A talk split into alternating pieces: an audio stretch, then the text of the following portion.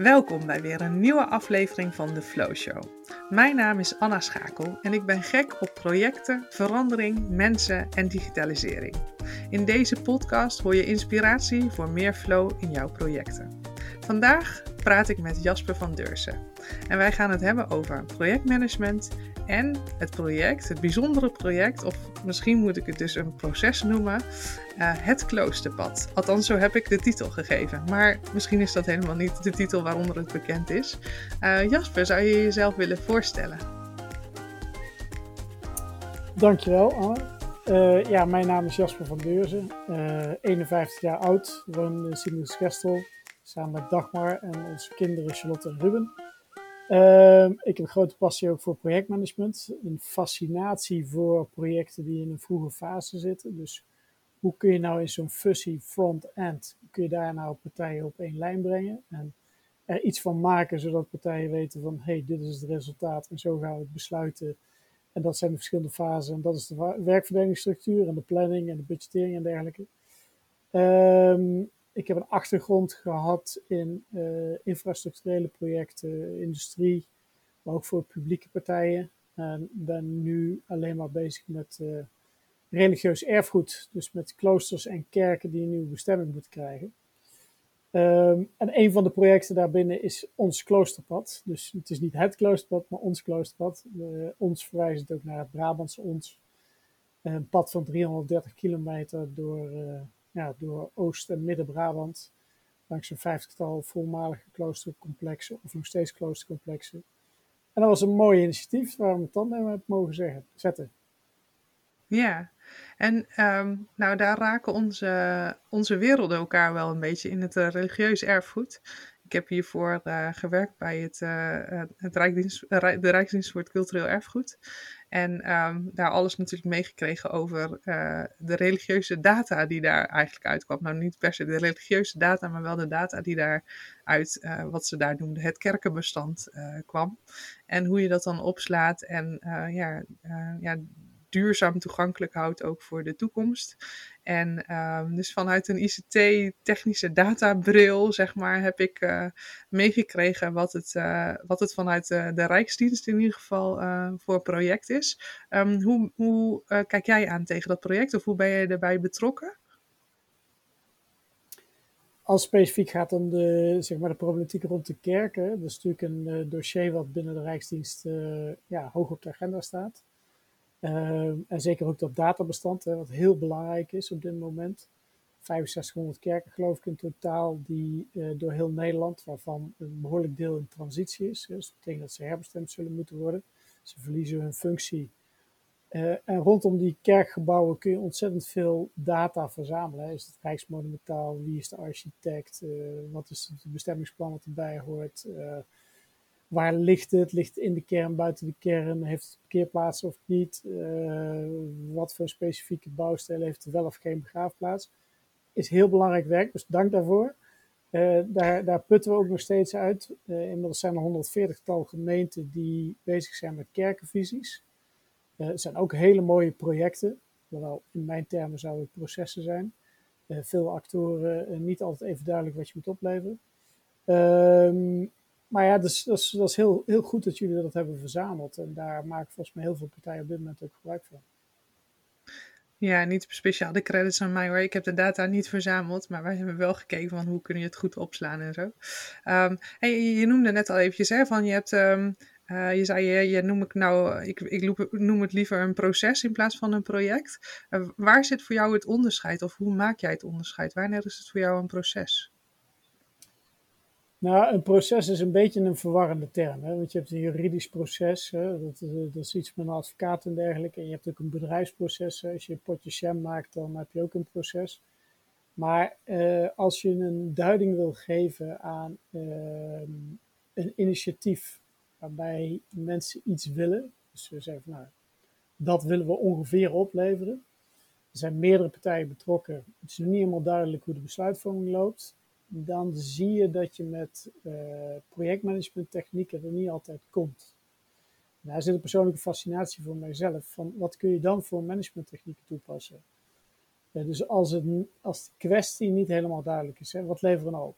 neem in mijn geval een kloosterpad. Ja, lever je alleen een pad op, of lever je ook een boek op, lever je informatiepanelen op en lever je afspraken met kloosters op of je wel niet kan overnachten.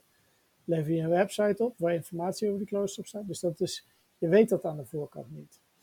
Ik heb te maken met vijftigtal eigenaren van kloostercomplexen. Die liggen in 23 gemeenten. Er is een provincie die belangen heeft. Uh, er zijn terreineigenaren die belangen hebben. Ja, daar kom ik er niet met een lineair projectmanagementmodel. Uh, dan moet ik eerst op een of andere manier komen tot een soort resultaatdefinitie. En die, die voorste fase, die, die duid ik als procesmanagement. Daar gebruik ik, ja, gebruik ik andere projectmanagementtechnieken voor. Eigenlijk is het een soort derivaat van, van projectmanagement, dus een soort afgeleide. Ja, en hoe uh, ziet zo'n fase er dan uit, zo'n startfase? Hoe start je dan nou, dat proces? Volgens mij in denkwijze uh, is het zo dat je eerst maar eens een goede analyse maakt. Hè? Dus, dus begrijpen en dan ingrijpen. bij projectmanagement is het vaak zo dat je in eerste, in eerste instantie ook die begrijpfase hebt. Dus, of de fase moet je het eigenlijk niet noemen, maar dat je de kwestie goed onderzoekt en die zegt van nou, oké, dit moeten we opleveren. Uh, bij procesmanagement is dat zo dat het vaak nog even een speelbal is in het netwerk voordat het een beetje stolt. Voordat je iets hebt waar je denkt, oké, hier staan we met z'n allen voor. Hier kunnen we een intentieovereenkomst tekenen of een samenwerkingsovereenkomst. En dat proces, uh, daar moet je uh, partijen toegang geven. Als projectmanager, ik heb ook een keer een medische gasfabriek moeten bouwen dan is het heel vervelend dat halverwege het project dat partijen zeggen, ja, maar ik wil ook nog, nou, ik noem maar wat, ik wil er ook uh, industriële gas gaan produceren. Dat is een verstoring van je, van je project. Want dan denk je, denk, ja, ik krijg een andere scope, ik moet andere dingen gaan doen. Als je in procesmanagement termen denkt, denk je van oké, ik ga proberen het concept eerst te verrijken. Dus ik geef partijen toegang daarop. Ik wil ze meenemen in dat, uh, zodat er draagvlak ontstaat. En pas als ik draagvlak heb, dan pas uh, ontstaat er een soort uh, consensus waaruit ik uh, een projectplan kan gaan schrijven, planningen kan gaan maken, beslisdocumenten kan gaan produceren. Dus ja, daar zit voor mij het verschil. Ja, en ik kan me ook voorstellen dat het, zeker in um, situaties of vraagstukken waar het um, niet helder is in het begin, hè, dat het met een idee begint en dat het nog niet duidelijk is wat echt het eindresultaat zou moeten zijn. Er ook best wel veel verschillende mensen en verschillende meningen zijn over uh, waar je naartoe gaat. Um, hoe betrek je die partijen daar dan bij? Ja, dat ontwerp je. Dus uh, ik maak een analyse van de situatie. Dat betekent dat ik enerzijds kijk gewoon naar de feiten. Neem even het kerkgebouw. Hè. Waar ligt dat kerkgebouw? Hoe groot is dat kerkgebouw? Uh, zijn er parkeerplaatsen of niet? Is er een begraafplaats of niet? Hoeveel kubieke meters hebben we het over? Wat zijn energielasten en dergelijke? Uh, en tegelijkertijd kijk ook naar de actoren. Is dit kerkgebouw van een parochie of van de protestantse gemeente? Uh, zit daar een, een, penningmeester op of niet? Hebben we te maken met, met een gemeente die wel of niet toeschietelijk erin? Is het misschien een coalitie met CDA of juist niet? Uh, en die analyse, die maak ik eerst. Uh, dat betekent dat je stakeholder-inventarisatie maakt en dan een stakeholder-analyse. Dus je, je inventariseert eerst wie zijn de relevante actoren en daarna probeer je ze op een of andere manier te taxeren waar ze staan in het netwerk. En op basis daarvan ontwerp ik de volgende processtap. Dat betekent dat ik zowel aan de factorenkant als de actorenkant denk, hoe ik nou een volgende stap kan zetten waarbij het netwerk voorspelbaarder wordt, het resultaat duidelijker wordt en waarmee de besluitvorming meer gericht wordt. Want als ik die drie dingen weet, kijk, als je een onduidelijk resultaat hebt, je hebt een onvoorspelbaar netwerk en je hebt een ongerichte besluitvorming, hou dan maar op met projectmanagement. Dus ik probeer die drie, drie dingen als het ware probeer ik te, um, duidelijker te maken. Uh, want op het moment dat ik dat kan, dan, ja, dan wordt, dan, wacht even, ik ga even iets fout. Uh, op het moment dat dat duidelijker wordt, dan uh, kan ik ook met projectmanagementtechnieken aan de, aan de haal gaan. En dat is natuurlijk als projectmanagement is, is dat fijn, want dan wordt het veel voorspelbaarder. En dan kan ik mijn opdrachtgever zeggen van dit is de planning. Ja, maar dan is je opdrachtgever dan ook, en dan ook duidelijk. Hè? Dat, dat hoeft in het begin toch helemaal niet zo te zijn, of wel?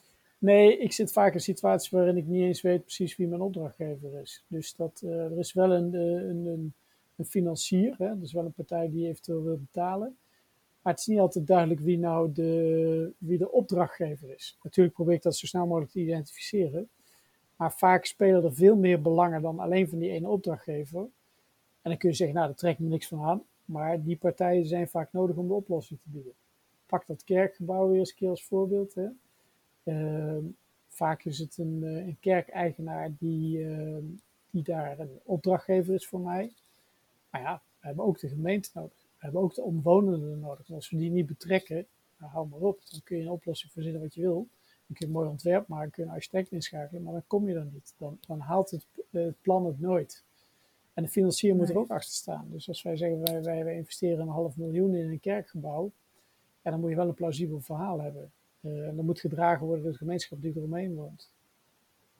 Ja, ja, zeker. En hoe is dat bij het, uh, ons kloosterpad uh, verlopen? Hoe, hoe is dat, kun je wat meer vertellen over het project, het proces?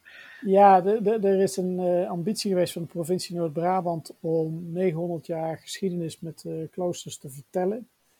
Um, en een van de deelresultaten zou je kunnen zeggen was het kloosterpad. We hebben meer dingen gedaan. We hebben ook een kloosterjaar georganiseerd. En, uh, we hebben ook kloosterproducten gelanceerd. Maar een van de dingen die we hebben gedaan is kloosterpad.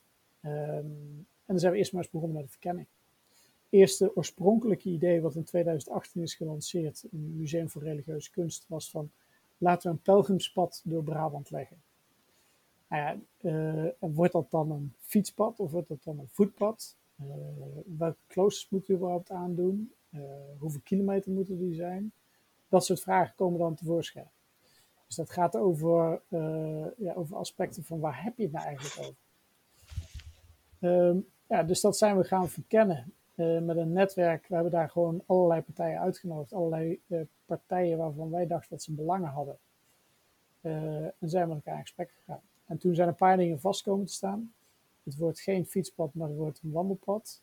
Het gaat over de infrastructuur die in Brabant al aanwezig is. Dat is ook een vrij fundamentele beslissing. Uh, we gaan in Midden- en Oost-Brabant, omdat daar de meeste kloosters zijn die nog steeds doorgaan als klooster. Even voor jouw beeld, we hebben 660 plekken gehad in Brabant die dienst hebben gedaan als klooster. Dus de keuze was heel groot. Maar we hebben gezegd, ja. we willen de wandelaar laten kennismaken met het kloosterleven zoals het nu is. Dat was een bedoeling van de provincie, de doelstelling van de opdrachtgever. Um, dus daarmee kwamen we automatisch op Midden- en Oost-Brabant terecht, want daar zijn de meeste kloosters die doorgaan. Uh, en dan ga je, ga je verkennen, dan ga je eerst maar eens even kijken van wat haalbaar is en uh, wat er ook bij komt kijken. Ja, en dan, um, ja, hoe is het project verder verlopen? Wat, wat, is, uh, wat zijn de dingen die je onderweg tegenkwam? Ja, het is heel divers. Kijk, we hebben een gesprek gehad met 23 gemeenten in coronatijd. Dus probeer maar eens af te stemmen met wethouders en ambtenaren van 23 verschillende gemeenten over.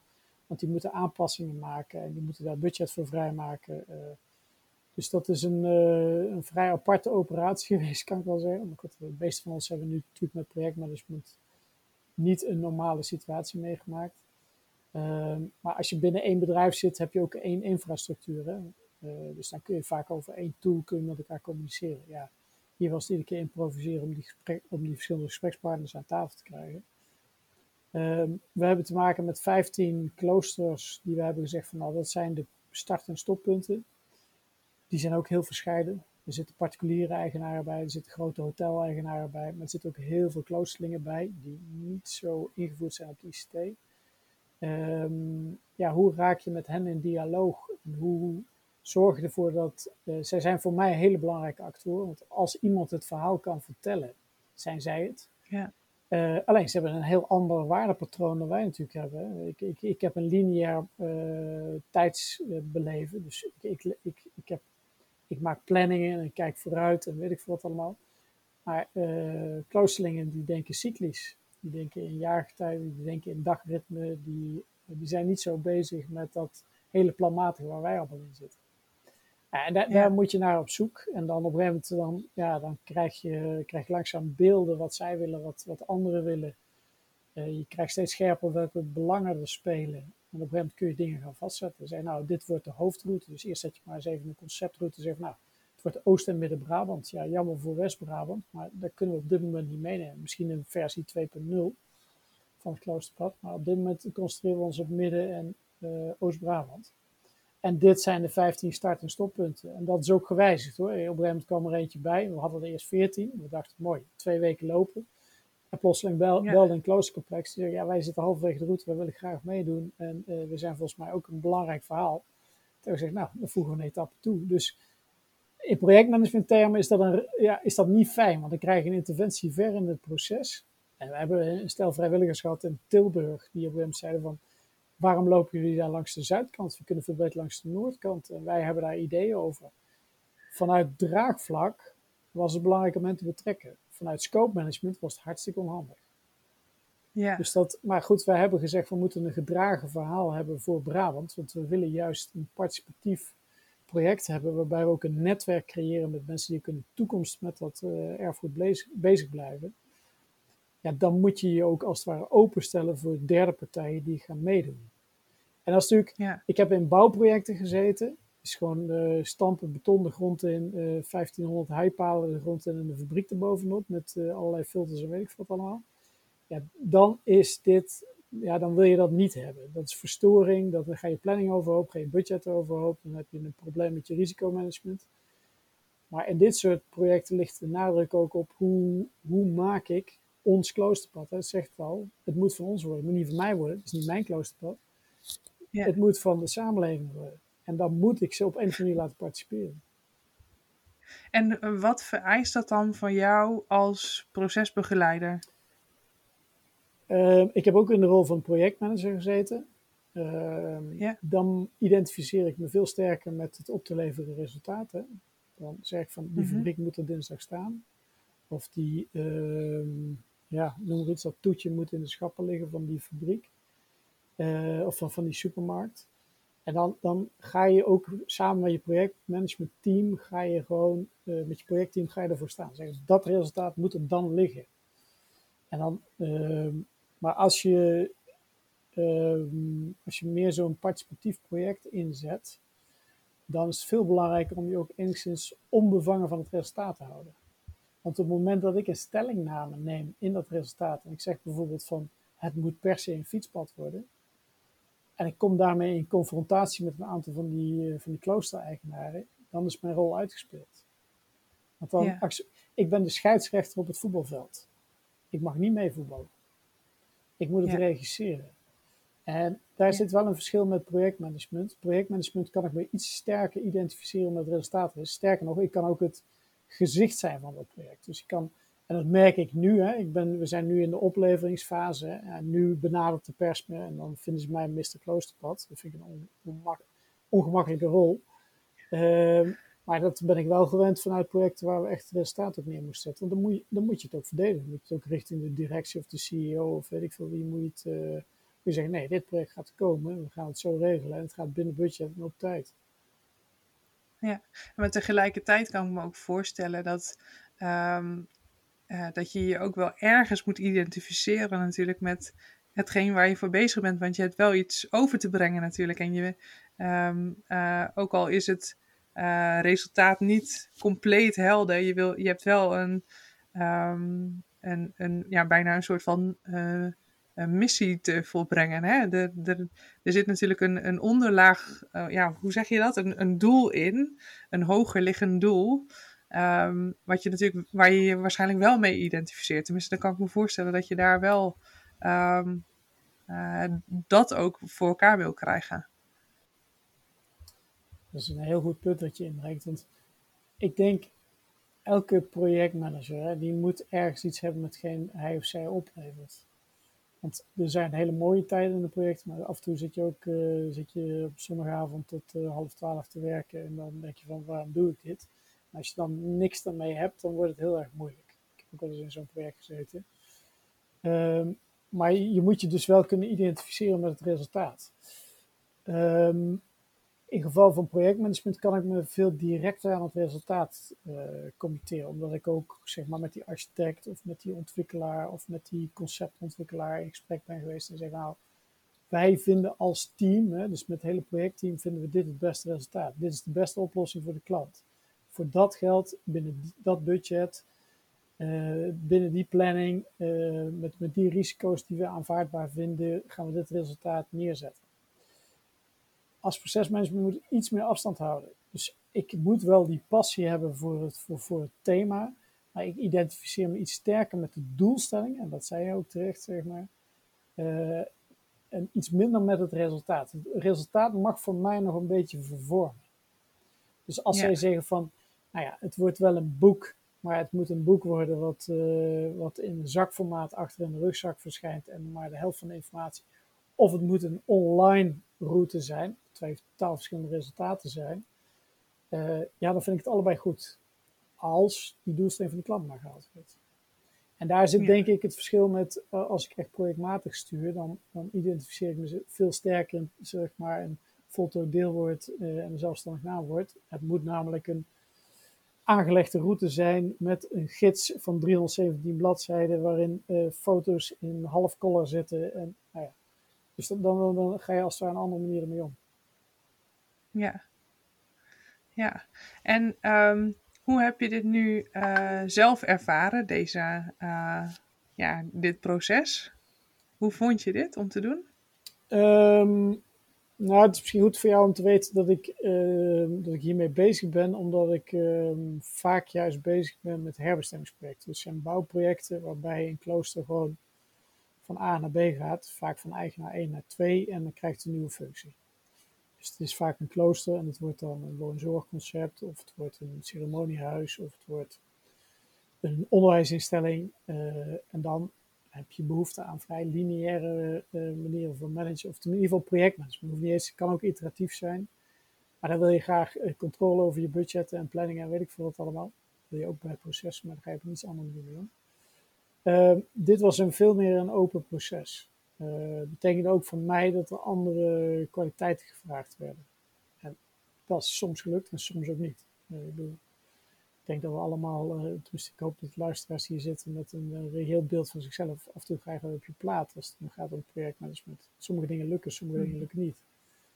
Um, de uitdaging hier was wel vinden van hoe, hoe hou je voldoende tempo. Hè? Dus je stuurt niet zozeer op planning, maar wel op tempo, alhoewel we uiteindelijk hebben we wel geroepen 30 april openen we het pad. Dat had te maken met een jubileum van een kloosterorde die op die datum viel. Dus ja, dat was, aan het einde was het wel strakke planningen en strakke budgetten. Um, maar ik heb het ook wel als, uh, als mooi ervaren dat ik aan het einde kon zeggen: het is echt ons kloosterpad. Er zijn meer dan 150 mensen mee bezig geweest. Dus het is absoluut niet mijn verdienste. Ik heb er wel aan bijgedragen, maar het mooie is dus dat je al die verschillende partijen, en het gaat om toeristische partijen, het gaat om kloosterlingen, het gaat om uh, mensen die bezig zijn met uh, vrijwilligers die bezig zijn met de paden, het gaat om gemeenteambtenaren, gaat over een provincie, gaat over een gedeputeerde van de provincie, dat die allemaal met elkaar hebben gezegd, dit willen opleveren. En dat vind ik wel mooi. Dat dat dan uiteindelijk ja. uh, dat dat rondzinkt en dat mensen ook zeggen van nou, het is ook voor mij. Ja, ja, dat is wel heel tof. Ja. ja, dat kan ik me heel goed voorstellen. En wat zijn nou de dingen waar je, waar je, waar je wel bij op je plaat bent gegaan, om het zo maar te zeggen? Hè? Dus waar, wat is er nou misgegaan? Um, nou ja, uiteindelijk krijg je toch wel haast dan aan het einde. En ik denk toch dat we een aantal keuzes hebben moeten maken die, waarvan je nu denk ik kan zeggen van, is het functioneel zo gunstig? Als je puur functioneel kijkt, dan, um, dan hebben we keuzes moeten maken. En dan kies je toch voor een oplossing die misschien voor een bepaalde doelgroep minder interessant is. We hadden kunnen zeggen dat we alles online deden. Dus natuurlijk, uh, dan heb je geen gids in je rugzak zitten. En dat is voor een wandelaar prettig. Uh, we hadden ook kunnen zeggen van ja, we maken de route twee keer zo groot. We gaan ook naar West-Brabant. Dan hebben we een stuk meer draagvlak, want dan hebben we heel Brabant bedekt. Ja, daar maak je keuzes in. En in sommige gevallen uh, ja, vallen die positief uit. In sommige gevallen krijg je kritiek. Ja, dat uh, hoort ja. er denk ik niet bij. Dat is part of the game. Maar ik vind toch altijd eh, de ambitie om toch iets op te kunnen leveren. Wel draagvlak, maar je moet ook iets opleveren. Ja. En hoe ga je er dan mee om hè, in dat soort momenten? Als je dan, nou stel je krijgt die kritiek van West-Brabant uh, dat ze niet mee mogen doen. Um, hoe zit jij dan in dat moment en hoe, hoe pak je dat dan op? Gelukkig was het niet zo dat West-Brabant niet mee mocht doen, want we hadden ook ergens wel een oplossing. we hebben ook gezegd, we doen alleen, niet alleen de lange afstandsroute, maar ook rondwandelingen. Maar ik denk dat, ja, ehm, er zijn altijd aspecten die anders uitvallen. Ehm, en ik denk dat je uh, de kunst is volgens mij, uh, maar dat geldt ook voor projectmanagement in het algemeen, mensen om je heen te, uh, te, verzamelen die op zijn minst complementair zijn, zo niet beter zijn dan jezelf. in bepaalde onderdelen of misschien wel overal. Ja, en dat, dat, dan merk je wel dat, dat klappen ook de ander opgevangen kunnen worden. Ik heb nu toevallig vandaag was was een, een kritiek van een wandelaar denk ja, ik ben iets te veel de projectmanager geworden. Als ik nu ga bellen met die wandelaar, dan ga ik dan ontzettend zitten verdedigen. Dat heeft die wandelaar niet nodig. Die wil graag die kritiek uit en die wil een, een, een, luisterend oor hebben. Ja, we hebben iemand anders in het team die daar veel beter is dan ik. Kan ik dan veel beter vragen van, wil jij alsjeblieft bellen? Je mag mij de schuld geven, maar kun jij alsjeblieft bellen? Want ja, jij zit er waarschijnlijk minder krampachtig in dan ik. Ja. Maar ik denk procesmanagement, want dat is ook een beetje het thema natuurlijk voor, voor, de, voor de luisteraars. Hè. Procesmanagement is, is, is een manier van managen. Er zit ook een heel instrumentarium bij. Hè. Het, het, klinkt een beetje abstract allemaal wat ik vertel, maar er zitten ook gewoon methoden en technieken achter. Stakeholder inventarisatie, stakeholder analyse. Zijn, je kunt op verschillende manieren kun je uh, analyses maken. Er zijn verschillende tools ook op internet te vinden. Uh, maar ook met het ontwerpen van een volgende stap. Dat vraagt een stuk regisseurschap. Hè. Je zit bijna tegen een toneelregisseur af en toe aan. Van hoe ga ik die avond ontwerpen waarbij ik die verschillende participanten aan tafel krijg. Wie geef ik wanneer het woord? Krijgt iedereen het woord? Is iedereen uitgenodigd? Welke thema's gaan we wel niet bespreken? Wanneer breng ik het eerste thema? Wanneer breng ik het moeilijkste thema? Misschien moet ik dat als derde zetten of juist aan het begin plan ik die avond op een dinsdagavond of juist op een uh, woensdagmiddag als, uh, als, als veel mensen andere dingen hebben. Om te zien of ze ook echt willen. Het zijn allemaal dingen die kun je allemaal ontwerpen. Net zoals je gebouw kunt ontwerpen, kun je zo'n sessie kun je ook ontwerpen. En door dat ontwerp krijg je volgens mij ook uh, realiteit in je proces. Dus, en daar moet je zowel aandacht hebben voor de inhoud. Ik kan daar niet een beetje abstract voor gaan zitten kletsen van waar gaat het nou over. Dus je moet een bepaalde inhoud kunnen brengen. Maar tegelijkertijd moet je partijen ook uh, uitdagen en uitnodigen om participatief uh, te worden. En als, ik zit vaak in trajecten waarbij de emoties behoorlijk oplopen. Als het gaat over kerkgebouwen, dan hebben mensen uh, vanuit verschillende mhm. perspectieven, jij kent het. die hebben nogal wat, de een vanuit een religieus perspectief, maar de ander zegt ja, ik woon er tegenover. En de vierde zegt ja, mijn opa ligt begraven, begraafplaats. Ik ben niet kerkelijk, maar ik blijf van die begraafplaats af juist in dat soort processen moet je, is het goed als je een beetje distantie kan houden en dat je die actoren kan uitnodigen om het woord te voeren. En als daar in die emotie even kan duiken en zeggen van, ah, u bent boos, kunt u vertellen waarom? Dat is wat anders dan dat je zeg maar probeert dat te, uh, te pareren. Ja. ja, ik herken het ook wel een beetje, omdat wij, uh, nou ja, ik, ik zit in ICT-trajecten waarin um, vaak de, nou, de complexiteit en de, uh, de voorspelbaarheid, de complexiteit hoog is en de voorspelbaarheid laag. Hè? Dus vaak weten wij ook niet wat precies het eindresultaat gaat zijn. Um, en ik herken dit soort sessies als wij met uh, ja, wat wij noemen de klanten hè, hun processen gaan ontwerpen of um, gaan brainstormen over hoe zou het systeem daarop in kunnen spelen of niet.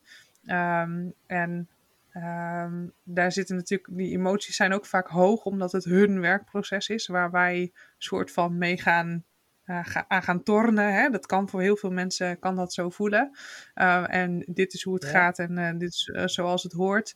En nu gaan wij vertellen dat we misschien in het systeem wel iets heel slims hebben bedacht, maar dat daar proces misschien iets voor om moet. En um, ja, ja, is dat dan wel gewenst of niet? dus ik ben ik, herken het, hè, dat, je die, dat je die sessies vormgeeft. Um, en in mijn geval is dat misschien minder, uh, met minder participanten, hè, dus misschien in die zin makkelijker. Um, maar wel dat je dus van tevoren inderdaad uitdenkt van ja, maar waar, wat, wat, is nu echt mijn doel aan het eind van die sessie? Welke vragen wil ik dan in ieder geval beantwoord hebben zonder dat ik per se weet wat die antwoorden zijn? Um, maar dat ik wel voor iedereen een, een, een, een afgesloten uh, ja, overleg kan hebben, en bijeenkomst kan hebben. En dat is wel, ehm, ik gebruik daar ook wel veel visualisaties voor. dus dat vind ik wel een hele fijne manier om mensen ehm, ja, mee te laten doen ook. Nou, heb je, als, ik, als ik daar even mag op aanvullen, hè, dat is volgens mij een hele goede. Want uh, ik, heb, uh, ik heb geleerd ook in, in dit soort trajecten. Visualisatie geeft meer ruimte dan tekst. Dus op het moment dat je mensen wil laten meedenken en je schrijft het op, dan zul je zien dat je een reactie krijgt op de letters en de, de, de zelfstandige naamwoorden. De punten en de. Terwijl als je zegt van nou, dit is een projectie van wat het zou kunnen zijn, dan zie je vaak een, een reactie, dan roept dat een reactie op die veel meer iets is, oké, maar als dit kan, kan dit dan ook. Dus dan zie je veel meer een open houding. En dat is ook een beetje het denken over procesmanagement. Ik breng toch even terug naar dat thema. Uh, maar dus dat je een, uh, bij procesmanagement denk je iedere keer in een divergentieslag. Hè? Dus je probeert als het ware zoveel mogelijk opening te bieden. Dan zit er ergens op een gegeven moment, denk van nou, nu zijn de meningen wel opgehaald, de feiten ze liggen op tafel. En ik probeer het nu weer naar een soort, niet naar een besluit te brengen, maar naar een consolidatie. Dat betekent dat je moet gaan convergeren, dus je moet gaan samenvatten. Je moet de partijen zeggen, volgens mij is dat uw standpunt, dat is uw standpunt. Jullie zijn drie kwart het met elkaar over eens. En hier zijn we het met elkaar nog oneens.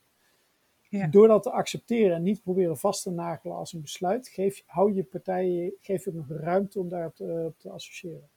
En visualisatie helpt daar enorm in. Dus ik ja, vind dat een hele goede ja. om dat uh, ja, in dat soort op in te zetten. Ja, en dat is, um, kijk, toen we nog fysiek bij elkaar kwamen, was dat ook voor heel veel mensen best wel een stap, hè? Want je moet letterlijk uh, die pen pakken of die stift pakken en op het bord gaan tekenen. Uh, en zeker om de deelnemers dan uit te nodigen om het ook te doen, is best wel een stap. Uh, maar ik merk dat daar juist de online wereld best wel weer makkelijk is, omdat je dan, um, nee, er zijn gewoon heel veel online tooling, hè, van whiteboardings tooling, waar je gewoon hele mooie templates van tevoren al voor kan maken. Waar uh, hele grote iconenbibliotheken in zitten. Waar mensen gewoon kunnen associëren al met de tekens die ze er neerzetten. Um, en dan dus al eigen plaatjes maken. Dus dan hoef ik het niet eens aan te dragen. Dan verzinnen zij op voorhand al waar zij het mee associëren. En dan kunnen zij daar hun verhaal uh, mee vertellen.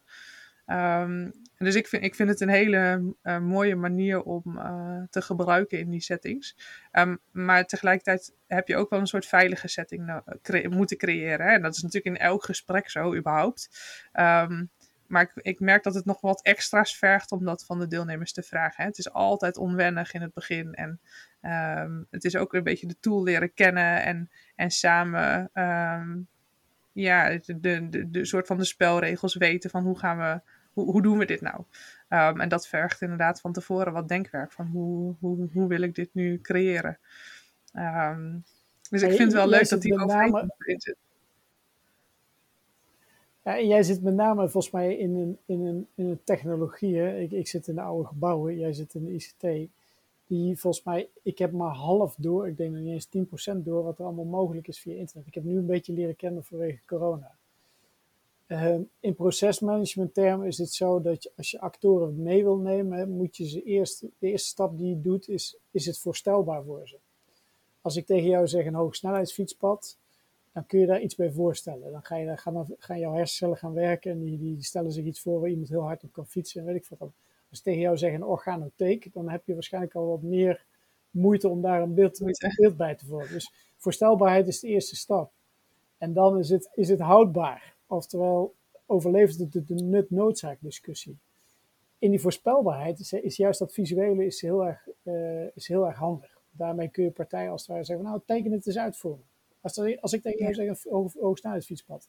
En ik zit daar bijvoorbeeld met een team van tien mensen, dan krijg ik tien verschillende beelden. Maar waarschijnlijk zul je zien dat er toch veel overlap zit. Er zijn er een paar die zijn exotisch. Er zit een van de creatieve architect die tekent net even wat anders. Maar dat is, ja. dat is dan ook mooi, want daarmee zit ook zit, de innovatie zit aan die kant. Um, bij dat, bij dat nut-noodzaak-discussie krijg je ook vaak in de argumentatie van partijen krijg je ja maar.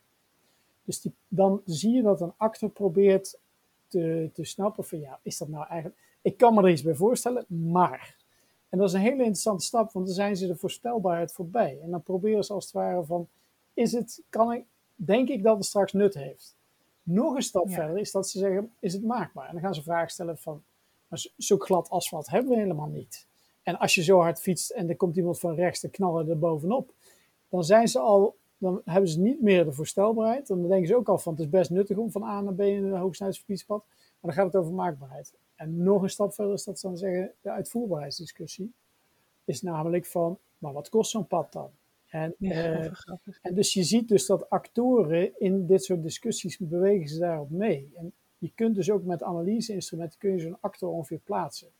Dus die kun je ook zeggen van nou, die is op de draagvlakas, is die aan het opschuiven.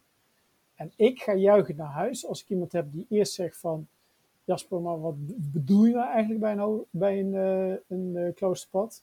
Versus een partij die dan laat op de avond zegt van ja, ik kan me er nu wel wat bij voorstellen, maar ja, wie gaat er dan over wandelen? Dan denk ik, oké, hij stapt vooruit. Of nog een stap ja. verder is dat hij zegt van, oké, okay, dan hebben we misschien wel al die lange afstandswandelaars. Uh, maar hoe gaan we dat in godsnaam doen met die 23 gemeenten? Dan, ja. dan stelt hij een ander stu- stu- soort vraag en dan zit hij dus in zijn draagvlak, is hij verder opgeschoven. Ja. Dat vind ik, dat dan gaat er bij mij, dan denk ik, jippie, hier is een partij die is aan het opschuiven. Ik heb voortgang. Die is een stap verder. Ja, ja precies. En daar, is, daar, ja. daar, daar kun, kan je vanuit jullie wereld, hè, dus van ICT, kun je daar ons. Ik, heb, ik ben laatst ook weer door een stagiaire verrast die met een uh, hele mooie mindmap tooling techniek, ik weet niet eens hoe die heette, die een ontzettend goede analyse maakte over de hele marketing van zo'n pad. Maar ik was, eerlijk gezegd, was ik nog verbluft over hoe, de manier waarop ze presenteerden dan over de inhoud. Ik moest eerst tien minuten bijkomen. Maar, ja, dit, maar daar zit ook voor, volgens mij voor de jonge generatie projectmanagers zit daar een ontzettende kans in. Die, zijn, die kunnen op zo'n andere manier iteratief uh, aan de slag met dit soort materie. Ja, dat is hartstikke mooi. Ja. ja. Hey, en waar um, uh, de punten die jij noemt, um, doen me ook wel heel erg sterk denken aan uh, Deep Democracy. Ik weet niet of je daarmee bekend bent. Um, ik maar in mondjesmaat in ieder geval. Maar dat gaat heel erg over het, uh, het inclusieve gesprek voeren. Hè, dus er zijn heel veel meningen. Um, en die mogen er ook allemaal zijn. En uiteindelijk kom je op een punt um, dat je wel een richting kiest. Waar misschien het niet iedereen het mee eens zou zijn. En hoe voer je dan toch dat gesprek? Dat ook die mensen het niet per se mee eens zijn. Maar wel meegaan in uh, de richting die je opgaat. Uh, kom je dat ook tegen in jouw proces? Of um, ja, hoe werkt dat dan als je 23 partijen aan tafel hebt? Ja, ik heb ze gelukkig niet allemaal in één keer aan tafel, dus dat scheelt al. Nee, dat is uh, nee ja. maar dus, dus kijk, uh, democratie is in mijn trajecten niet een doel op zich. Uh, wat ik probeer te doen is een combinatie te maken van draagvlak, maar draagvlak moet wel verbonden zijn aan realisatiekracht. Dus dat de buurman om de hoek van die kerk vindt dat hij er eigenlijk moet blijven staan. Uh, en wel in de, zijn huidige staat en er mag niks aan veranderen. Versus een, uh, een, een, college van burgemeester en wethouders die zeggen van nou ja, wij willen wel investeren in dat gebouw. Maar daar moet er wel een publieke functie in komen. Ja, dan zijn die andere actoren net wat relevanter dan die eerste. Dus ja. ik maak wel onderscheid tussen welke acteur wat zegt. Ik probeer natuurlijk tot realisatie te komen. Ik wil, uiteindelijk wil ik een resultaatdefinitie hebben met partijen die zeggen wij durven hier een besluit over te nemen en wij durven hier ook geld voor opzij te leggen. Ja. En daar zit wel, het is dus niet, uh, het is geen Poolse landdag die draagvlak in zijn algemeenheid nastreeft. Het Nee. is de bedoeling om tot een uitvoerbaar plan te komen. Ja. Dat, dat betekent ook dus dat je in de analyses van de verschillende actoren, dat je goed nadenkt van, ja, wat zijn de belangen van die actoren, wat kunnen ze eventueel bijdragen, waar zit eventuele uh, hindermacht, waar zit uh, realisatiekracht. Dus die analyse moet je wel goed maken, ook om, om dan in je ontwerp van je proces daar rekening mee te houden. Misschien moet de Ja. burgemeester dan op de eerste avond komen, misschien moet het juist aan het einde komen.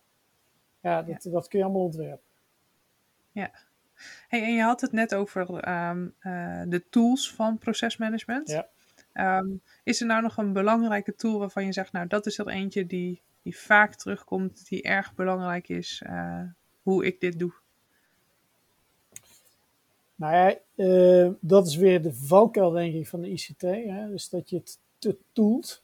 Dus dat je een de tool, uh, with tool is still a fool. Dus, ehm, dus ik, wa- wat ik mooi zou vinden, hè, als wij in Nederland, als we in ieder geval een deel van, we gaan steeds meer naar participatieve projecten. Dat geldt zeker in de publieke wereld waar ik acteer, maar ik denk ook in het bedrijfsleven. Joint ventures, uh, samenwerkingsverbanden, weet ik veel allemaal. Ze hebben te maken met verschillende culturen, verschillende bedrijfsculturen, verschillende besluitvormingsstructuren. Um, ja, dan zou het mooi zijn als mensen in ieder geval een soort reflectie in een project bouwen. Dus goede projectmanagers, dat die zeggen van nou, wat ik in ieder geval vind dat ik moet doen, is één keer per week, twee uur, kijken naar een stakeholder-analyse. Om zeg maar even weg te komen uit die inhoud en even kijken naar de actoren. En als je, zeg maar, als je 40 uur als, nou, nou we het gemiddeld nemen, 32 uur als projectmanager actief bent, hè, als je dan maar twee uur per week eraan besteedt, dat zou, dan, dan is dat eigenlijk niet zoveel in je, in je tijdsbesteding. Maar ik denk wel dat het knap relevant is. Ja. Dus volgens mij moeten we, niet, moeten we het niet ingewikkeld maken. En dat kun je op allerlei manieren doen. Uh, inventarisaties maak ik vaak of met een mindmap uh, tool of ik doe het in uh, Excel. Ik, meestal kies ik daar niet hele ingewikkelde tools voor. En ik schrijf het gewoon uit. Ik heb, ja, je hebt verschillende technieken. Je kunt, je kunt op verschillende manieren kun je die partijen identificeren. Er is ontzettend veel online te vinden. Hè? Dus als ik wil weten hoe een actor ergens erin zit, dan kijk ik gewoon op Twitter of op Facebook of op, op alle online media. En partijen die ertoe doen, die, die uiten zich meestal ook wel graag. Dus dan kun je vaak ook vinden wat hun standpunten zijn. Ja, Dan, kun je, dan kun je ook op sturen. Dan kun je, dan kun je kijken hoe je ze uh, betrekt. Ja. Want betrokken is de, de foto het deelwoord van betrekken. Dus dat, uh... ja, dat is ook, ja. ja. Hey, en nu aan het einde van het traject, is het traject afgelopen? Ben je klaar? Uh, was het maar waar. Nee, uh, ik heb vanaf het begin af aan gezegd, uh, ook omdat we hebben gezegd van het is iets van het netwerk. Wij leveren versie 1.0 op. En wat dat betreft is die kritische wandelaar die dus kritiek heeft, is, een, uh, is ook een belangrijke toegevoegde waarde. Want die ziet waar het pad nog niet voldoet. Dus ik had nu niet de ambitie dat we iets met uh, 100% kwalitatief correct zouden opleveren. Ik hoop dat er heel veel mensen mee aan de slag gaan. ik denk dat ik nog even een paar dingen te gaan heb. Uh, we hebben in ieder geval de lange afstandsroute nu gelanceerd, maar we gaan ook nog een paar rondjes lanceren voor de ander type doelgroep. Um, en daarna, ja, we brengen het ook onder in een entiteit die het gaat beheren. Uh, dat is ook nog wel een stukje opgave, dus het gaat veel meer over de, de gebruiksfase. Ja, nee, dus, dus het is nog niet klaar. Maar, uh, het is nog niet klaar. Nee, ja, en volgens mij de mooiste, mooiste ervaring komt nog. Dus al die wandelaars die elkaar gaan vinden en er iets van gaan vinden en elkaar gaan bestuiven. Ja, want hij is sinds april open, hè? Dus hij is nu ruim een maand open. Ja, ja, ja. Dus, ja. Uh, ja. is leuk. Ja, heel gaaf. Nou, dankjewel voor deze, ja, deze toelichting en uitleg over procesmanagement en hoe jij dat aanpakt. Um, ik sluit uh, de uh, podcast altijd af met een, een, een vragenvuur, zoals ik dat noem. Nou, ik heb twee vragen voor jou bedacht uh, die mij interessant lijken. En misschien heb je het antwoord al wel gegeven, maar ik ga ze toch gewoon stellen. Um, ik ben wel benieuwd, wat is, het, um, uh, wat is jouw best besteden uur in jouw project? Oeh, dat is wel een moeilijke vraag. Moet even denken hoor. Misschien wel dat ik gewoon uh, uiteindelijk um, we hadden één incident in een gemeente waarbij een paal niet geslagen werd om een route aan te passen. En in plaats van te mailen ben ik er toen naartoe gereden. Dat was denk ik het beste. Dat was best besteden uur. Ja. Ik heb erover getwijfeld toen of ik zou doen. En achteraf zat ik terug in de auto en zat ik te juichen. Van, nou, Ja. het is goed dat ik het gedaan heb.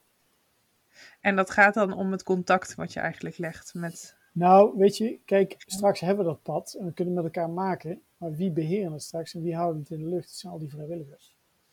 Ja. Eh, op het moment dat er, eh, als ik even plat te zeggen, stront aan de knikker komt met die vrijwilligers, ja, dan, dan weet ik zeker dat het pad nooit een succes gaat worden.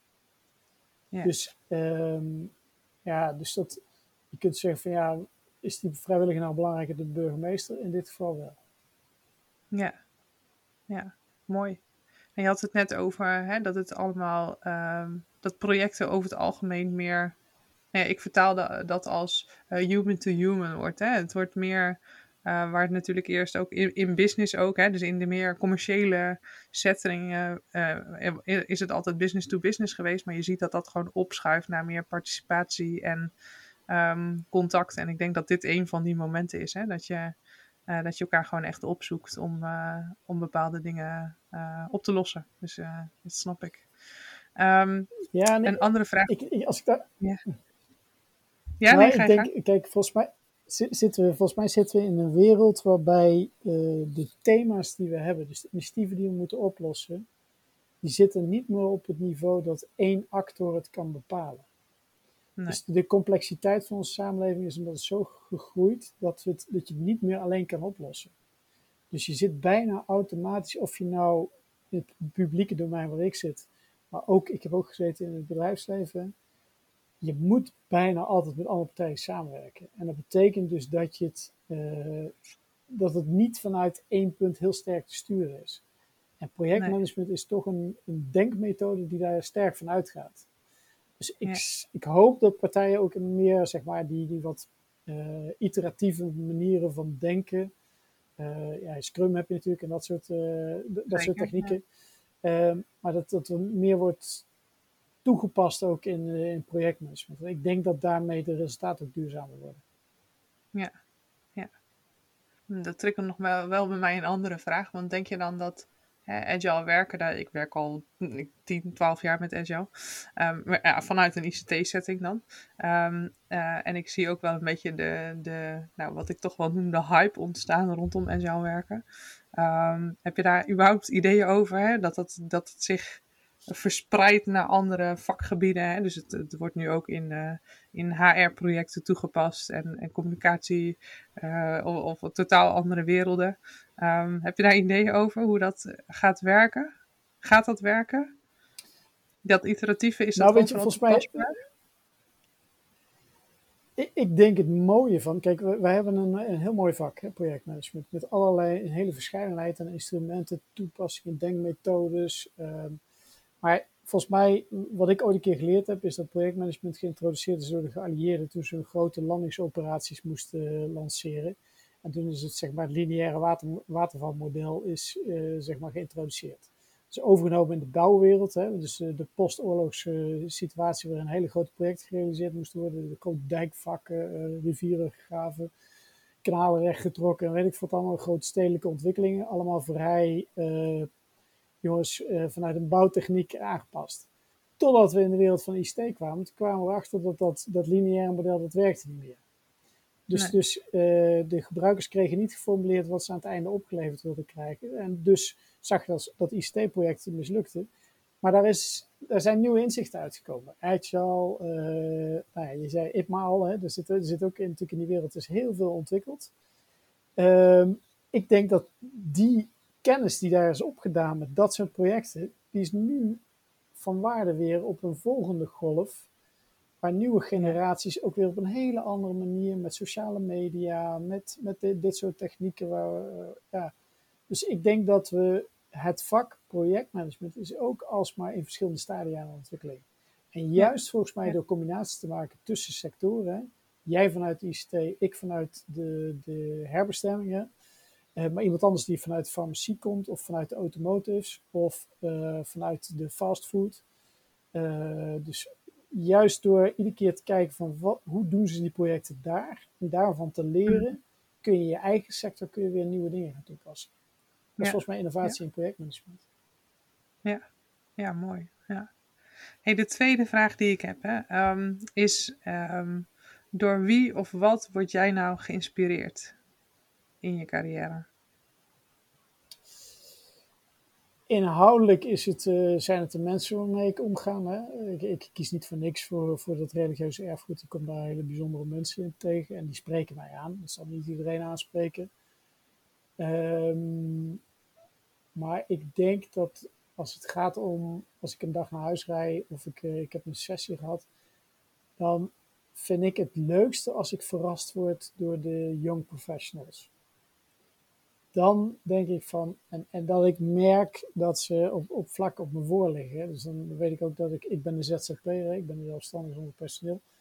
Uh, dus ik moet, moet ook scherp blijven, want anders uh, lig ik er straks uit. En dan, als ik zie hoe die nieuwe generaties in ja, communiceren, elkaar connecten en weet ik wat allemaal, ja, dat vind ik, uh, dat, dat is heel inspirerend. En dat, dat is soms, ja, soms valt het ook tegen, moet ik eerlijkheid zelf zeggen. Maar ik word regelmatig verrast door, voor dit, door dit soort jonge professionals. Ja. ja, leuk, want zo kun je elkaar, je kunt heel veel van elkaar leren. En uh, dat is denk ik een heel mooi uh, gegeven. Ja, ja, ik ben 50 plus. Hè. Ik ben pas 51, maar goed, ik ben 50 plus. Dus, maar dat betekent ook wel dat ik in een bepaalde generatie zit. En dat ik ook wel bewust ben dat ik bepaalde paradigma's heb. Ook doordat ik natuurlijk een periode heb gewerkt en dus overtuigd ben van mijn standbeelden. Dat, dat, ja, dat komt ook al in dit gesprek naar voren. Maar dat betekent dat iedere keer dat ik me wel moet laten verleiden om andere beelden ook daarvoor in de plaats te durven zetten. Ook op kosten ja. pijn om oude los te laten. Ja, ja. Nou, dat is mooi. Hè? En ook die reflect, de reflectie die je dan hebt. Hè? Ik denk dat dat een van de belangrijkste dingen is die je kunt hebben. Um, om dat uh, voor jezelf te blijven zien en uh, jezelf te blijven ontwikkelen. Dat, uh, ja, dat is, is, iets wat je mijn zin je hele leven moet blijven doen. Om, om ook gewoon het, het leuk te houden voor jezelf en, en vooruit te gaan. Dus ja, leuk. Um, ja, ja nou, dankjewel voor dit gesprek. Um, ik, uh, we gaan hem afsluiten. Ik wil jou graag nog vragen of um, je wil vertellen waar mensen jou eventueel kunnen bereiken als ze een vraag voor je hebben of eens met je door willen praten over, je, ja, over ons kloosterpad of uh, over hoe jij uh, projecten uitvoert. Ik denk als ze op LinkedIn kloosters invoeren en Jasper van Beurzen, dan vinden ze mijn LinkedIn profiel. Dus uh, ja. wees uitgenodigd om dan gewoon uh, een contactverzoek te sturen. En voor de rest ben ik te bereiken op info.jaspervandeurs.nl Dus uh, ja. makkelijk te maken. ja. Nou, dankjewel Jasper. dit was weer een aflevering van de Flow Show. En ik hoop jullie snel weer te horen of nou het liefst te zien ook. Um, maar ik vond het heel erg leuk om jou te spreken Jasper. Dankjewel hiervoor. Anne, jij ook heel erg bedankt.